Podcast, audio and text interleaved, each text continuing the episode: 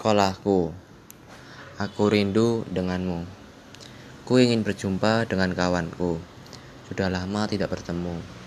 Padahal ku sudah rindu, tetapi tidak bisa bertemu karena ada pandemi. Sehingga kita harus mengurung diri dari lingkungan masyarakat. Kita harus tetap mengurung diri agar kita tidak terkena COVID dan menjaga lingkungan agar tetap bersih.